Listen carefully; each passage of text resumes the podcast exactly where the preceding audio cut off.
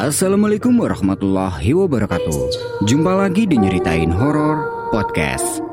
Seperti biasa, pada kesempatan kali ini aku akan menceritakan kisah horor yang akan membuat kalian merinding mendengarnya. Buat kalian yang punya pengalaman horor dan ingin diceritakan di sini bisa cek infonya di kolom deskripsi. Nah, seperti apa kisahnya? Stay tune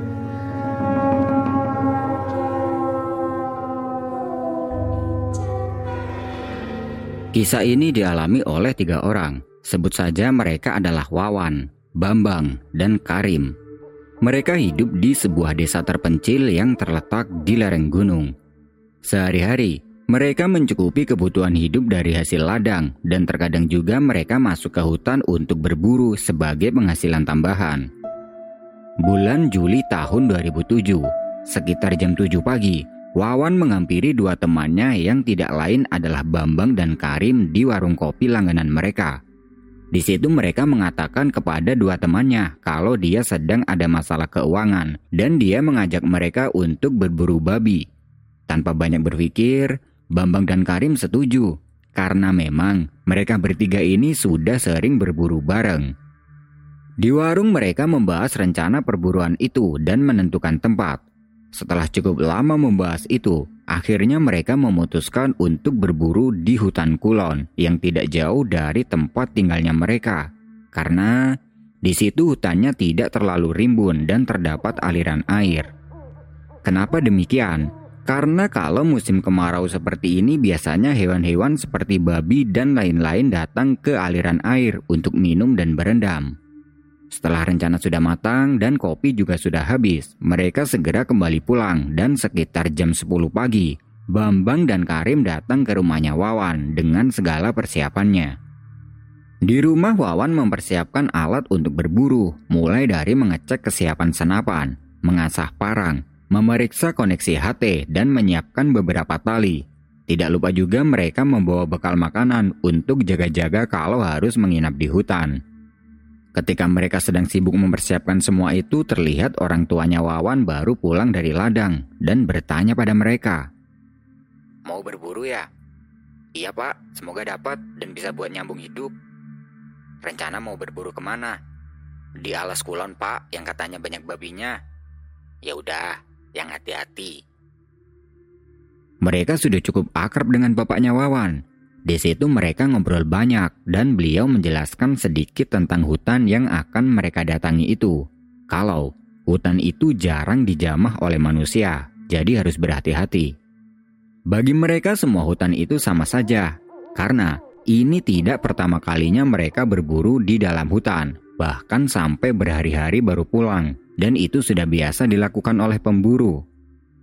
Setelah peralatan sudah dirasa siap, mereka berpamitan dengan bapaknya Wawan dan segera mengendarai dua motor butut milik Karim dan Bambang. Satu motor dinaiki Karim dan Wawan dan satu lagi dinaiki Bambang sendiri. Setelah menempuh kurang lebih 3 km perjalanan, sampailah mereka di pintu hutan. Di situ mereka menaruh motornya di sela-sela semak yang sangat rimbun. Nah, kenapa mereka menaruh motor di semak-semak? Karena itu sudah jadi kebiasaan mereka bahkan mungkin kebiasaan pemburu lain. Setelah motor sudah dirasa aman, mereka berjalan masuk ke dalam hutan. Di dalam hutan itu hari sudah menjelang sore.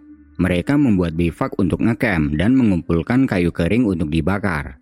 Setelah semua sudah siap, mereka duduk-duduk dan makan makanan yang dibawa dari rumah tadi sambil membahas rencana selanjutnya dalam misi perburuan ini.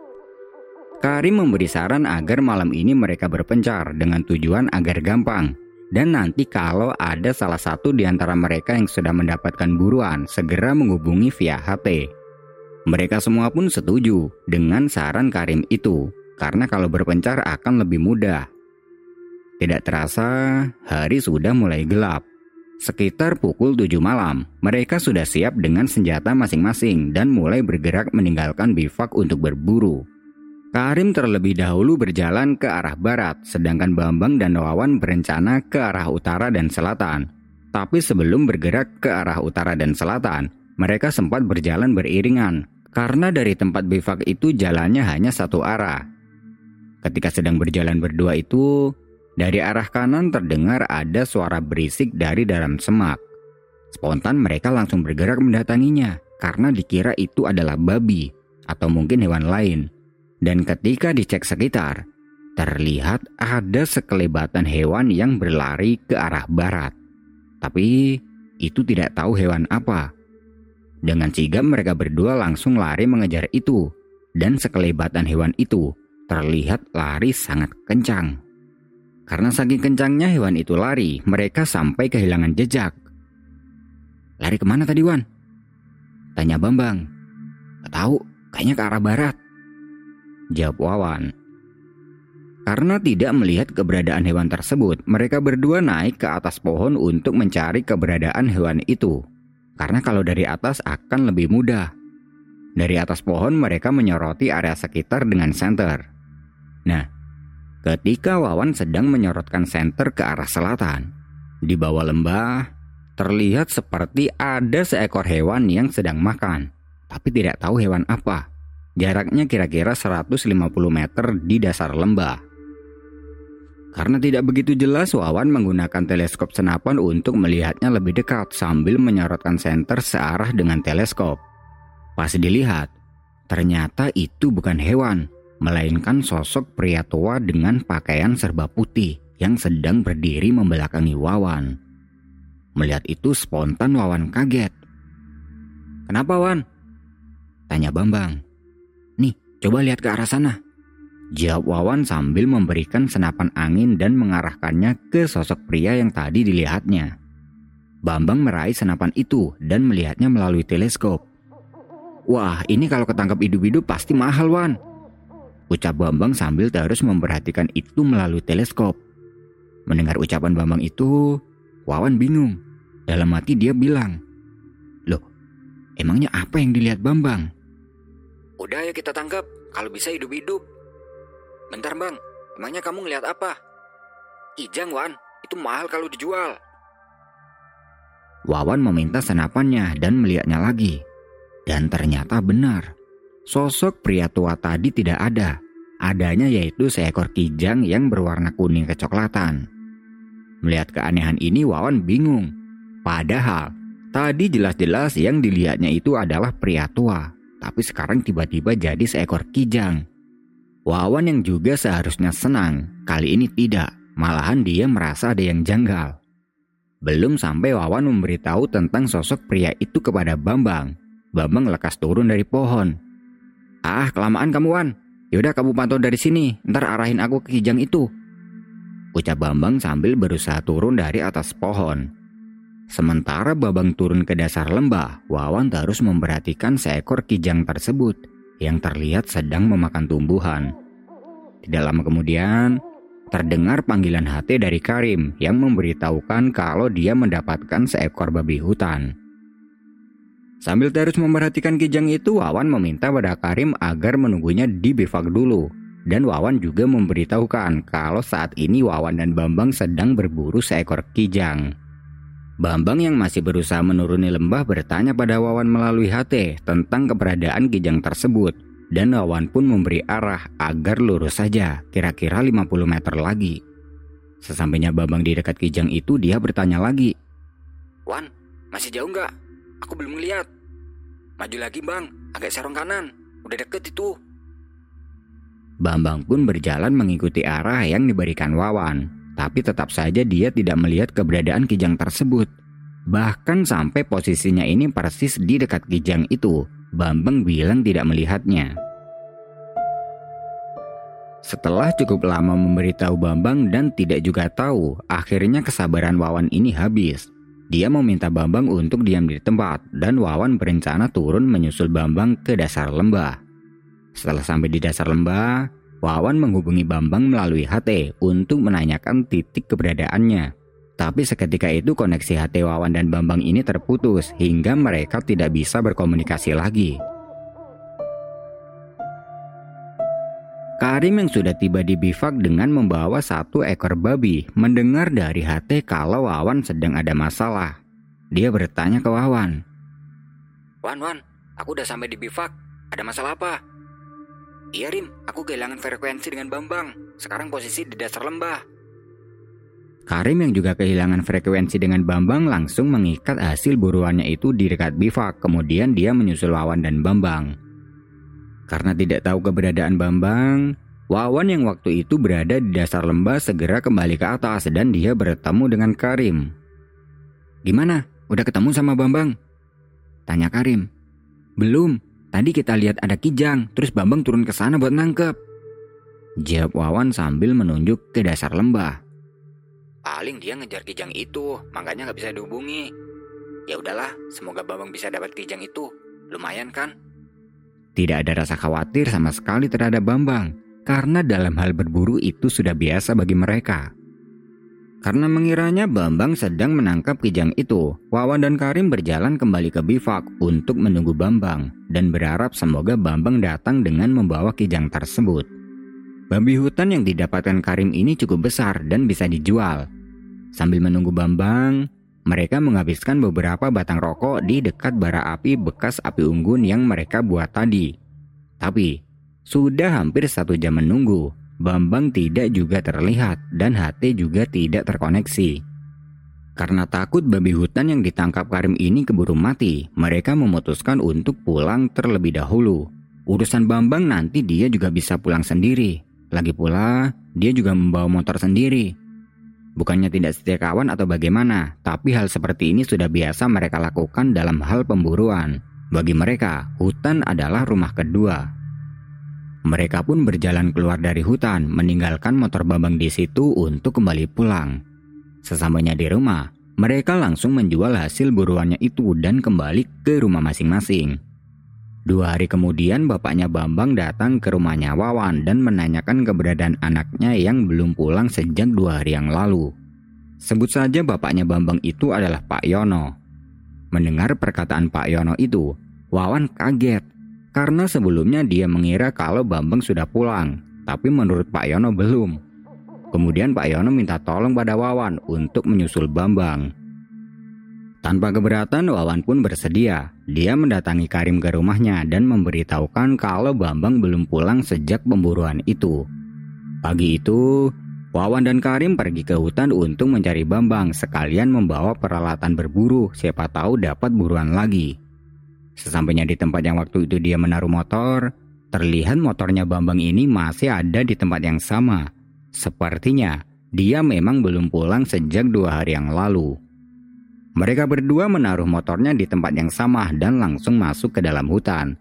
Sesampainya di bekas bivak yang kemarin mereka dirikan, mereka berunding dan memutuskan untuk berpencar lagi. Setelah hati sudah terkoneksi, Karim berjalan ke arah utara dan Wawan ke arah barat. Wawan naik ke atas pohon yang sama ketika dia melihat seekor kijang waktu itu. Dari atas pohon itu dia menggunakan teleskop senapan dan melihat ke arah di mana dia waktu itu melihat kijang. Tapi kali ini dia tidak melihat keberadaan kijang itu. Teleskop dia arahkan ke berbagai penjuru arah. Tapi dia tidak melihat keberadaannya Bambang. Di sisi lain, Karim yang berjalan ke arah utara juga melakukan hal yang sama. Dia naik ke sebuah pohon untuk mencari Bambang. Dan Jauh di depan terlihat seperti ada orang yang terkapar di bawah pohon. Karim langsung turun dari pohon dan berjalan menghampirinya karena mungkin itu adalah Bambang.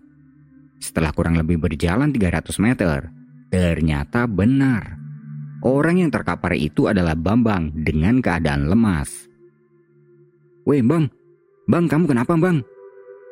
Ucap Karim sambil menggoyang-goyangkan badan Bambang. Tapi jangankan dijawab, dilihat aja enggak sama Bambang. Karim segera menghubungi Wawan melalui HT. Monitor, monitor. Wan, aku udah ketemu sama Bambang. Dia pingsan. Di mana? Kasih tunjuk lokasi. Dari bivak tadi lurus aja ke arah utara. Ya udah kasih petunjuk, aku ke sana. Karim membuat asap dari daun kering yang dibakar untuk memberi petunjuk pada Wawan. Beberapa menit kemudian, terlihat Wawan datang. Dan melihat keberadaan Bambang di sini, Wawan kaget. Karena terakhir kali dia melihat Bambang itu di dasar lembah, sedangkan jarak dari sini cukup jauh. Wawan langsung menghampiri Karim yang sedang sibuk menyadarkan Bambang. Loh, Bambang kenapa Rim? Gak tahu. Tadi ketemu udah kayak gini kondisinya. Di situ mereka berdua berusaha menyadarkan Bambang, tapi tidak juga tersadarkan. Hingga akhirnya mereka memutuskan untuk membopong Bambang pulang. Sesampainya di tempat meletakkan motor, mereka langsung menaikkan Bambang ke atas motor dan dibawa pulang ke rumahnya. Sesampainya di rumah, mereka menidurkan Bambang di ranjang yang ada di ruang tamu. Dan terlihat, kedua orang tuanya Bambang sangat panik melihat keadaan Bambang yang seperti itu. Kenapa sama Bambang Le? Tanya ibunya Bambang. Gak tahu mak, tadi kita nemuin dia di hutan udah kayak gini. Jawab Karim. Orang tuanya Bambang segera mengobati Bambang dengan obat-obatan alami. Kemudian, Wawan dan Karim pamit untuk mengambil motornya Bambang yang masih tertinggal di pintu hutan. Setelah diambil, mereka berdua menuju ke warung kopi langganan yang berada di kampung itu.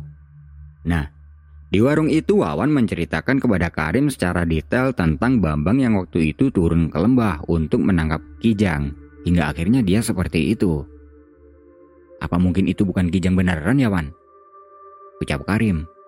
Aku juga mikirnya gitu, Soalnya aku sempat lihat Kijang itu bukan Kijang, tapi pria tua berpakaian serba putih. Jelas Wawan. Mendengar pembicaraan mereka, kakek penjual kopi itu bertanya. Loh, Bambang kenapa nak? Iku loh mbah, mari nyasar ning alas kulon pas nyolok babi. Itu loh mbah, habis nyasar di hutan barat pas berburu babi. Karena sepertinya beliau ini dari tadi sudah mendengarkan pembicaraan mereka, beliau bilang gini. Neng alas kulon iku sing hati-hati. Neng kono iku anjen nenek kita emas sing ngonane penunggu kono. Dadi nek padha aja apa-apa no. Di hutan itu yang hati-hati. Di situ emang ada kijang emas peliharaan penunggu situ. Jadi kalau ketemu jangan diapa-apain. Akhirnya ya udahlah. Itu semua sudah terjadi. Dan yang penting sekarang Bambang sudah di rumah. Setelah kopi sudah habis, mereka bergerak menuju ke rumahnya Bambang untuk melihat keadaannya sekalian mengembalikan motornya. Sesampainya di sana, terlihat Bambang ini sudah sadar, tapi badannya masih lemas karena mungkin selama berada di hutan itu dia tidak makan sama sekali.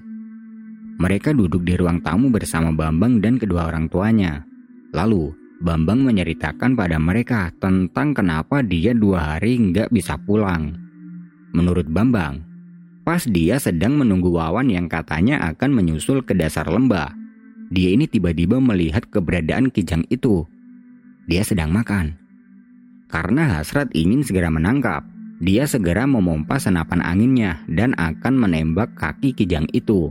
Tapi tembakannya itu meleset dan kijang itu lari. Dengan cekatan Bambang langsung lari mengejarnya dan kijang itu larinya sangat cepat hingga akhirnya Bambang kehilangan jejak. Karena sudah tidak menemukan keberadaan Kijang itu, Bambang berinisiatif untuk kembali ke tempatnya tadi untuk menunggu Wawan. Tapi, setelah cukup jauh berjalan ke tempat tersebut, dia tidak kunjung sampai. Malahan jalan yang dilewatinya ini mengarahkan ke dalam hutan yang sangat lebat, dan hutan itu belum pernah dijamah sebelumnya.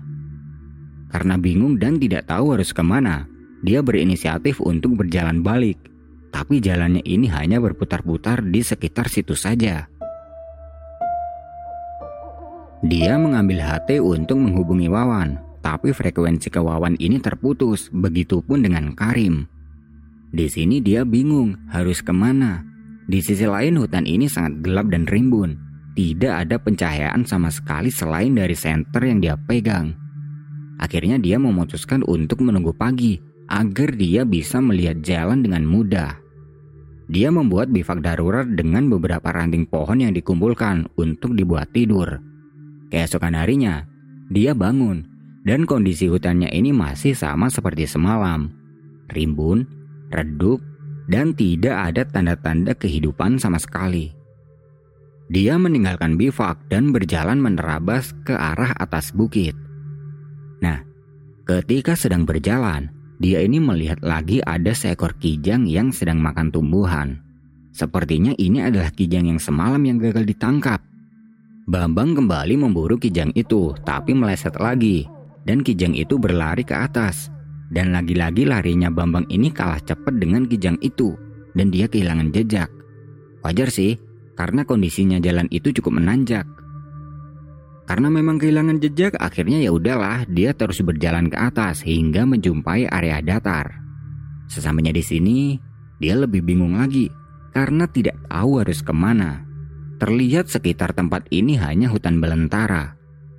Bambang mencoba teriak sekencang-kencangnya memanggil Wawan dan Karim, berharap mereka bisa mendengar. Tapi itu semua tidak ada hasil, hingga akhirnya dia memutuskan untuk naik ke atas pohon Siapa tahu, dari atas pohon dia bisa melihat pemukiman warga, tapi tetap saja tidak ada hasil. Semakin lama perut terasa lapar. Bambang turun dari pohon untuk mencari tumbuhan yang bisa dimakan.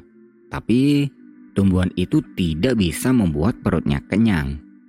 Dia terus mencari jalan keluar dengan menyusuri jalanan yang bisa dilewati hingga semakin jauh.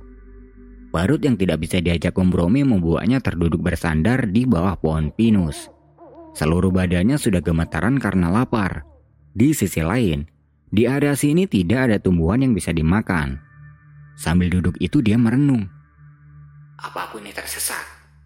Apa aku akan mati di hutan ini? Dia mengeluarkan seluruh tenaganya untuk mencari jalan keluar sebelum malam tiba. Ketika sedang berjalan, Terlihat di depan ada beberapa bangunan kayu yang berdiri, seperti gubuk milik seseorang. Melihat itu Bambang merasa sedikit lega. Dia segera berjalan ke bangunan kayu itu dan berharap semoga di situ dia bertemu dengan orang lain. Sesampainya di situ terlihat sangat sepi, tidak ada satu orang pun. Dan sepertinya bangunan-bangunan kayu ini adalah kandang hewan, tapi tidak ada hewannya alias kosong. Bambang mikirnya, mungkin tempat ini pernah dijadikan kandang hewan oleh orang. Dia berjalan menyusuri tempat itu, dan di depan terlihat lagi ada sebuah tanah yang sangat luas. Bambang mendatangi tempat itu, dan terlihat tempatnya ini sangat bersih, tidak ditumbuhi dan dikotori apa pun, hanya tanah yang berpasir. Melihat tanah yang seluas itu, Bambang heran. Ini tempat apa? Apa mungkin ini lapangan? Tapi kalau lapangan nggak mungkin seluas ini. Ucapnya dalam hati. Bambang terus berjalan hingga sampai di ujung tempat itu. Sesampainya di ujung tempat itu terlihat ada sebuah telaga yang sangat luas. Airnya jernih, suasananya sejuk, dan baunya sangat wangi. Saking wanginya, sampai-sampai Bambang ini tidak kuat mencium aromanya. Semakin didekati bau wanginya itu semakin menyengat. Karena saking wanginya itu Bambang merasa pusing hingga akhirnya dia tergeletak dengan keadaan lemas dan menahan pusing. Sambil tergeletak itu Bambang masih bisa melihat keadaan sekitar. Terlihat banyak sekali hewan kijang berwarna kuning keemasan yang berdatangan dan minum di air telaga itu. Melihat kijang yang sebanyak itu Bambang semakin pusing Seringkali para kijang itu berjalan melewati Bambang yang sedang tergeletak, bahkan ada juga yang melompati tubuhnya. Karena sudah tidak bisa berbuat apa-apa, Bambang hanya diam dan membiarkan para kijang itu melewatinya. Hingga lama-kelamaan dia tidak sadarkan diri. Sadar-sadar, bau wangi yang sempat tercium tadi tiba-tiba menjadi aroma seperti minyak kayu putih. Dan dia sudah berada di ruang tamu di rumahnya bersama kedua orang tuanya yang sedang sibuk mengoleskan daun minyak kayu putih di dekat hidungnya. Setelah menceritakan semua itu, Wawan dan Karim sangat heran karena tempat dia menemukan Bambang itu tidak ada telaga sama sekali ataupun kandang hewan. Tempat ditemukannya Bambang itu adalah di hutan yang cukup lebat. Lalu bapaknya Bambang menjelaskan sesuatu. Walah lele, di alas iku ancen sengit, bapake gak wani rono dhewean. Neng kono iku pancen ana sing jenenge kidang emas utawa kidang kencana. Lan kidang iku jarene ana sing ngangon. Sing ngangon iku bangsa alus, dudu menungso. Jare mbahmu, sapa sing wani nguber utawa nyakal kidang iku bakal nemoni cilaka. Walah nak, nak. Di hutan itu emang mistis. Bapak aja nggak berani ke sana sendirian. Di situ emang ada yang namanya kijang emas atau bisa dibilang kijang kencana. Dan itu katanya ada yang menggembala.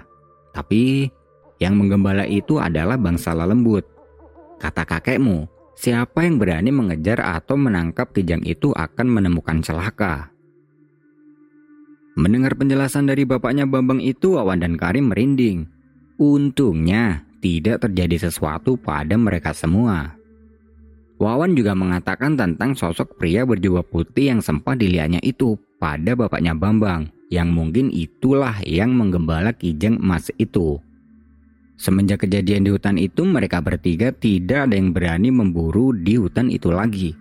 Mereka memilih untuk mencari hutan lain yang menurut mereka tempatnya tidak singit atau tidak angker. Nah, itu tadi adalah sebuah kisah horor yang bisa aku sajikan ke kalian semua. Buat yang masih stay, aku ucapin terima kasih dan tunggu kisah horor selanjutnya.